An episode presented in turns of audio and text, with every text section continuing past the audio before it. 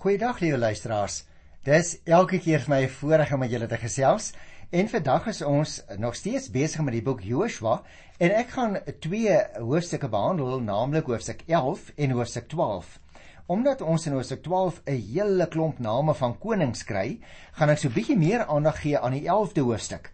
Nou, ek weet vir party mense is geskiedenis soms 'n bietjie moeilik en ek doen my bes om dit so interessant as moontlik te maak. So kom ons begin sommer dadelik by Joshua die 11de hoofstuk. En as jy nou in jou indeling kyk in die Afrikaanse Bybel, as jy dit dalk by jou hou elke keer met ons program, dan sal jy sien 'n mens kan dit eintlik in twee gedeeltes indeel, hoofstuk 11 vers 1 tot 15 en dan van vers 16 tot aan die einde van vers 23. So kom ons begin dadelik met die eerste 15 verse. En omdat dit nou geskiedenis is en vir mense soms moeilik is om dit te verstaan, gee ek juis wanneer ons sulke ingewikkelde geskiedenis behandel, altyd eers vir jou so 'n bietjie 'n oorsig. So kom ek vertel eers vir jou, wat gaan ons lees in die eerste 15 verse? Jy sien liewe luisteraar, hierdie gedeelte is eintlik 'n spieelbeeld van die vorige hoofstuk. Die inwoners van die verskillende dorpe en stede rondom die see van Galilea in die noorde van die land het ook 'n koalisie gesluit. Julle sal onthou ons het verlede keer oor die koalisie gepraat wat uit 'n hele klompie konings bestaan het en wat dan opgetrek het uh, uit die suide van die land. En vandag het ons ook weer te maak met so 'n koalisie wat uit die noorde gekom het, maar ander plekke was ook nog betrokke. Nou aan die hoof daarvan het 'n man gestaan met die naam van Jabin en hy was die leier van die stad Hasor. Nou luisteraars, ons gaan nog in die toekoms dikwels van Hasor lees. Kom ek sê net vir jou van Hasor so tussen hakies. En dit is 'n vestingstad. Met ander woorde, Hasor was een van die stede wat aan die noordelike kant van die Jesreel vlakte gelê het en dit was net aan die suidekant geleë van wat die ou mense sou genoem het 'n poort of 'n opening tussen heuwels. Met ander woorde, as die vyand uit die verre noorde sou kom, sê net maar uit Assirië of uit Babylon, dan was hulle geforseer as hulle met perde en veral met strydkarre gery het om deur so 'n poort te kom. En daarom kan jy baie goed verstaan waarom 'n stad soos Hasor gehelp het om die toegange uit die noorde te beskerm. Want as mense eers deur daardie poort gekom het en hulle is op die gelyk Jesreel vlakte dan het hulle natuurlik 'n baie baie sterk kans vir alles hulle strydkarre met wiele het. Want jy moet onthou hulle kan mos nou nie oor die berge kom met die karre met wiele nie. Daarom was hierdie koning Jabin die leier van die stad Hasor 'n baie belangrike man en ook teen hierdie bondgenootskap behaal Israel die oorwinning jy sal onthou soos by Jerigo Ons het dit geleer nou sukses by die 3de vers, sê die Here vir Joshua presies wat hulle moet doen. Die mense van daai omgewing was natuurlik ingestel daarop om oorlog te voer met perde en strydwaans, soos ek nou-nou vir jou vertel het, op gelyke grond.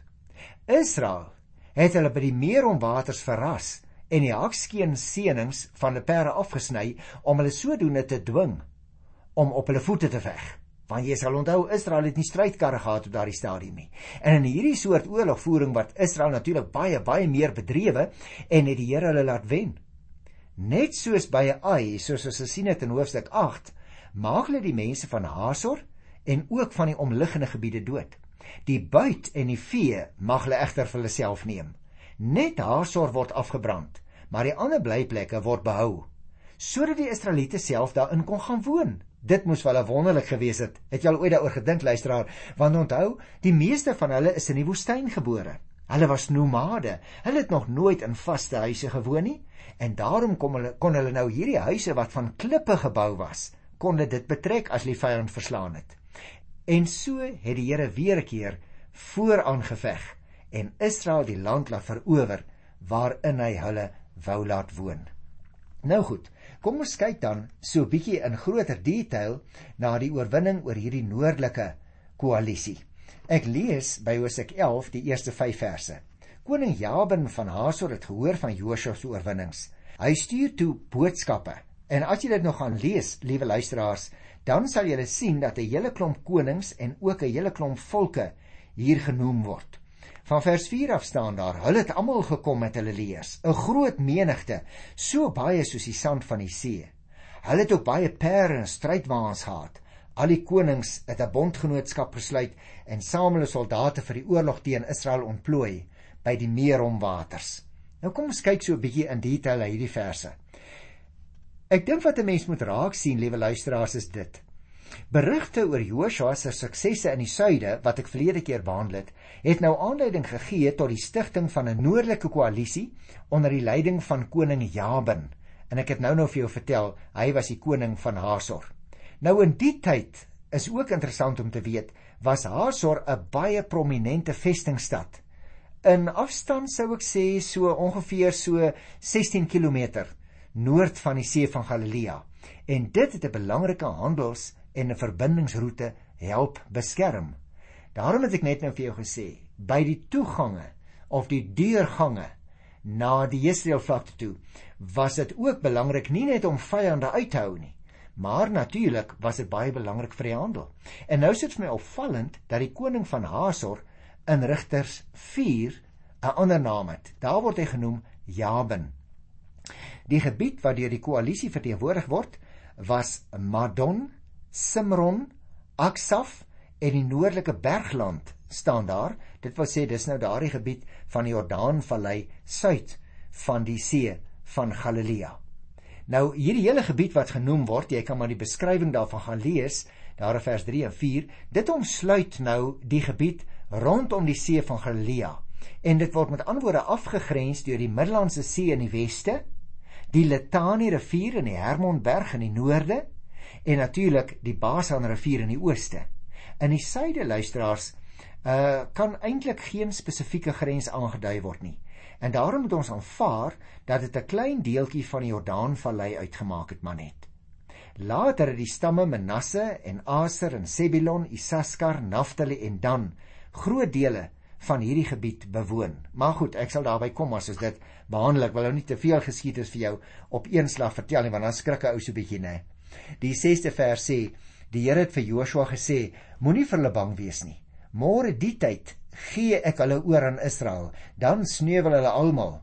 Jy moet hulle pers hakskeen seënings afsny en hulle strydwaans moet jy verbrand. Ek sou dink as ek hierdie vers lees dat 'n mens met goeie reg kan sê Joshua word hier bemoedig deur die Here, want die Here gee hom vooraf die versekering jy moenie vir hulle bang wees nie. Môre die tyd gee ek hulle oor aan jou. Die Here is met ander woorde, net soos daar by die veldtog in die suide sal jy nog onthou, Joshua se medestryder wat die bevele gee en die strategie bepaal. Joshua kry dus die opdrag om die perse hakskeen seënings af te sny en die strydwaans te verbrand. Nou dit sou natuurlik beteken dat die wapentuig vir niemand iets sou beteken nie. Dit sou geen waarde hê nie want hy gaan eintlik alles vernietig en die perde kan natuurlik nie verder hardloop nie. Vers 7 sê Joshua en al sy manskappe die vyand skielik oorval by die meer om waters. Nou weer eens, jy moet oplet, is die vyand, so staan dit hier verras, soos die koalisie in die suide wat ek verlede keer behandel het, want Joshua en al sy manskappe het hulle skielik oorval, staan daar. Kom ek lees vers 8 en 9. Die Here het hulle in die mag van Israel oorgegee en dit het hulle verslaan en hulle en hulle hele end agtervolg. Jy kry weer die name van die plekke tot waar hy hulle agtervolg het. Die belangrike opmerking is hier: nie een het vrygekom nie.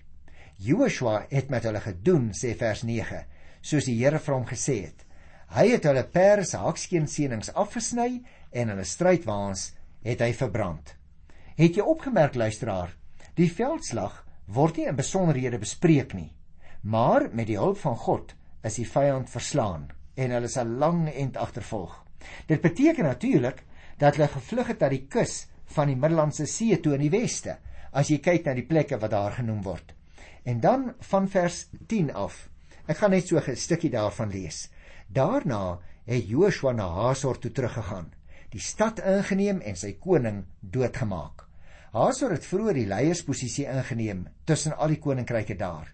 Die Israeliete het al die mense in die stad doodgemaak. Joshua het hulle uitgeroei sodat niks wat asemhaal bly lewe nie. Die stad self het hy afgebrand. En ek dink dit is vir ons belangrik dat ons dit sal sien. Hy het presies gedoen wat die Here hom gesê het.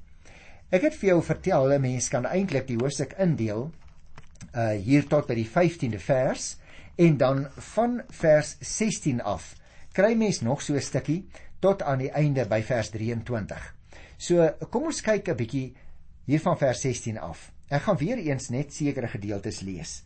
Vers 16 sê Joshua het die hele land ingeneem, die bergland, die hele suidland, die hele Gosen gebied, die Laagveld, die Jordaanvallei en die Israelberge met hulle uitlopers.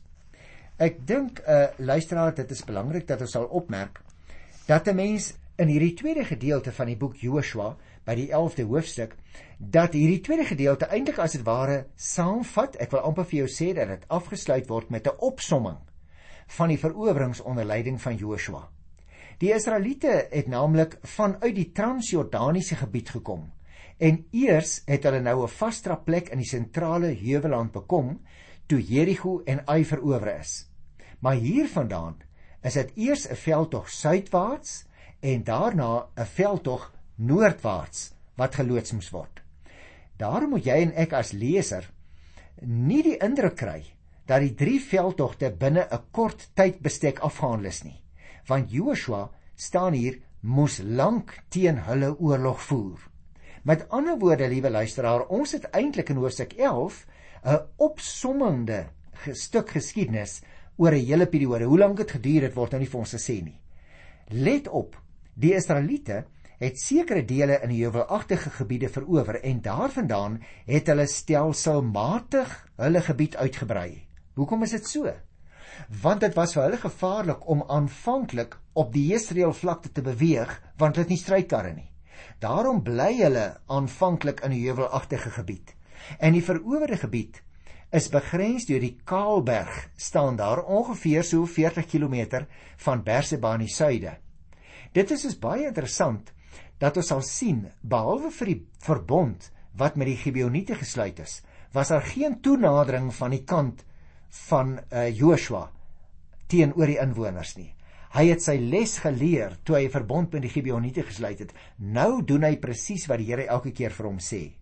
Maar die vyandigheid teen die Israeliete was van die Here, so sê die skrywer, want hulle moes sonder genade uitgeroei word, let op, soos die Here vir Moses beveel het. So as jy dit mooi gaan lees, dan sal jy dit kry, maar nou wil ek graag so 'n bietjie in groter detail stil staan hier in die laaste uh 3 versies van die hoofstuk, naamlik hoofstuk 21 tot 23, want daar sal jy lees onder die mense wat aan die weste kant van die Jordaan wat deur Joshua oorwin is, kom ook die naam van die Enakiete voor. Nou hulle was die mense sal jy onthou wat die verkenners van Israel wat deur Moses uitgestuur is om die land te verken, opgemerk en gevrees het. Jy kan maar gaan kyk uh toe ons daardie gedeelte behandel het, nê, toe Joshua die verkenners uitgestuur het. Jy sal onthou 10 van die 12 verkenners het daarom ook nie kans gesien om Kanaan binne te gaan nie.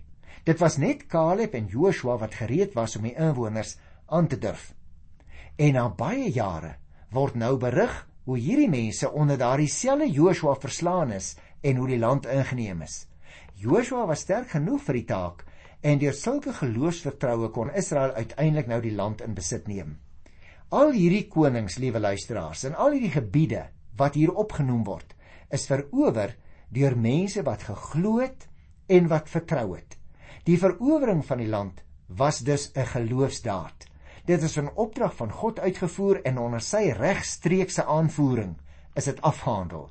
Daarom het ek al vir jou gesê in hierdie programme jy en ek moet versigtig wees. Ons moenie sommer haatdraand en veglustig wees teenoor ander mense en groepe nie, want hier gaan dit oor 'n teokrasie. God is direk die hoof van die staat en in ons tyd is daar geen land in die wêreld wat meer 'n teokrasie is nie. Nou wanneer al die konings van wie ons hier lees in al hierdie gebiede oorwin is, dan word hulle nou opgenoem in hierdie verse. En dit is nie om te spog nie, maar juis om die krag van God in Israel se lewe vir ons te vertel. Die afhandeling van die taak en die sukses wat blyk uit die omvang van die verowering is die uitkoms van die gebeure waar God self aan die voorpunt gestel word. En daarom as ons nou in detail gaan kyk na vers 21 en 22, luister daarna. In die tyd het Joshua ook die Enakiete in die berge in Hebron, Deber en Anab in die Juda gebergte en al die Israelberge uitgeroei. Hy het hulle saam met hulle stede uitgeroei. Vers 22 sê daar het geen Enakiete in die gebied van die Israeliete oorgebly nie. Net in Gaza, Gat en Asdod, tussen hakies, dit is drie Filistynse stede wat daar na die weste kant toe lê op die kus van Palestina. Was daar nog Enakiete oor? So lees ons daar. Het jy opgemerk luisteraars en daarom is dit uh, die rede waarom ek vers 21 en 22 wil behandel. Want hier word spesiaal melding gemaak van die uitwissing van die Enakiete uit Israel se grondgebied. Hulle was naamlik die gevreesde reuse wat daardie 10 verspieders destyds gesien het. Onthou jy nog toe ons Numeri 13 behandel het, het hulle teruggekom en vir Moses kom sê, "Jo, hierdie Enakiete is te groot." En hier lees ons nou baie spesiaal word dit ook vermeld hoe dat Israel hulle verslaan het. Dit is hoekom hulle hier spesiaal vermeld word. Hulle word hier so word gesê uitgeroei as getuienis dat Israel sy vertroue in die bondsgod moet stel en nie vir mense moet bang wees nie. Buite die grondgebied van die Israeliete was daar wel nog Enakiete oor en dit is die vyf stede uh wat daar op die kus was, maar hier word net 3 genoem, naamlik Gaza, Gat en Asdod. Die 23ste vers het nou net vir ons geleer, nadat hulle die hele land verower het, kon Joshua die land onder die verskillende stamme verdeel. Nou hier uit luisteraars lyk dit vir my kan ons die afleiding maak dat Joshua met die drie hoofveldtogte die land in sy geheel verower het nie. Ons kan dit nie doen nie. Op 'n hele aantal plekke uh was daar nog steeds Kanaaniete teenwoordig met wie Israel noodgedwonge vir 'n lang ruk, 'n hele klomp jare hierna nog sou moes saamlewe. Die hoofsaak is egter dat die Here in beginsel die land aan sy volk gegee het en geen groot veldtog was meer nodig hierna nie. Daarom kon die land lees mense ook hier nou rus van die oorlog. God het sy belofte nagekom en sy volk is in die beloofde land. Ek het vir jou gesê ek gaan net kortliks kyk na die 12de hoofstuk omdat ons hier 'n hele groot klomp name kry, nie net van mense nie, maar ook van plekke. En daarom luisteraars, gaan ek by Hosea 12 net enkele pennestrepe trek. Dit gaan hier oor die konings wat oorwin is. Met ander woorde, as jy nou dink aan ons opskrifte vandag, die oorwinning oor die noordelike koalisie, dit het ek nou afgehandel en nou sekere ander plekke in die 12de hoofstuk. Dit lyk dus vir my luisteraars, as ons so bietjie sou terugkyk aan die hoofstukke wat ons nou net afgehandel het, Dan het ons te maak hier met 'n opsomming van die oorloë wat die Israeliete gevoer het toe hulle die beloofde land in besit geneem het, sowel as die gebiede wat beset is en van konings wat verslaan is.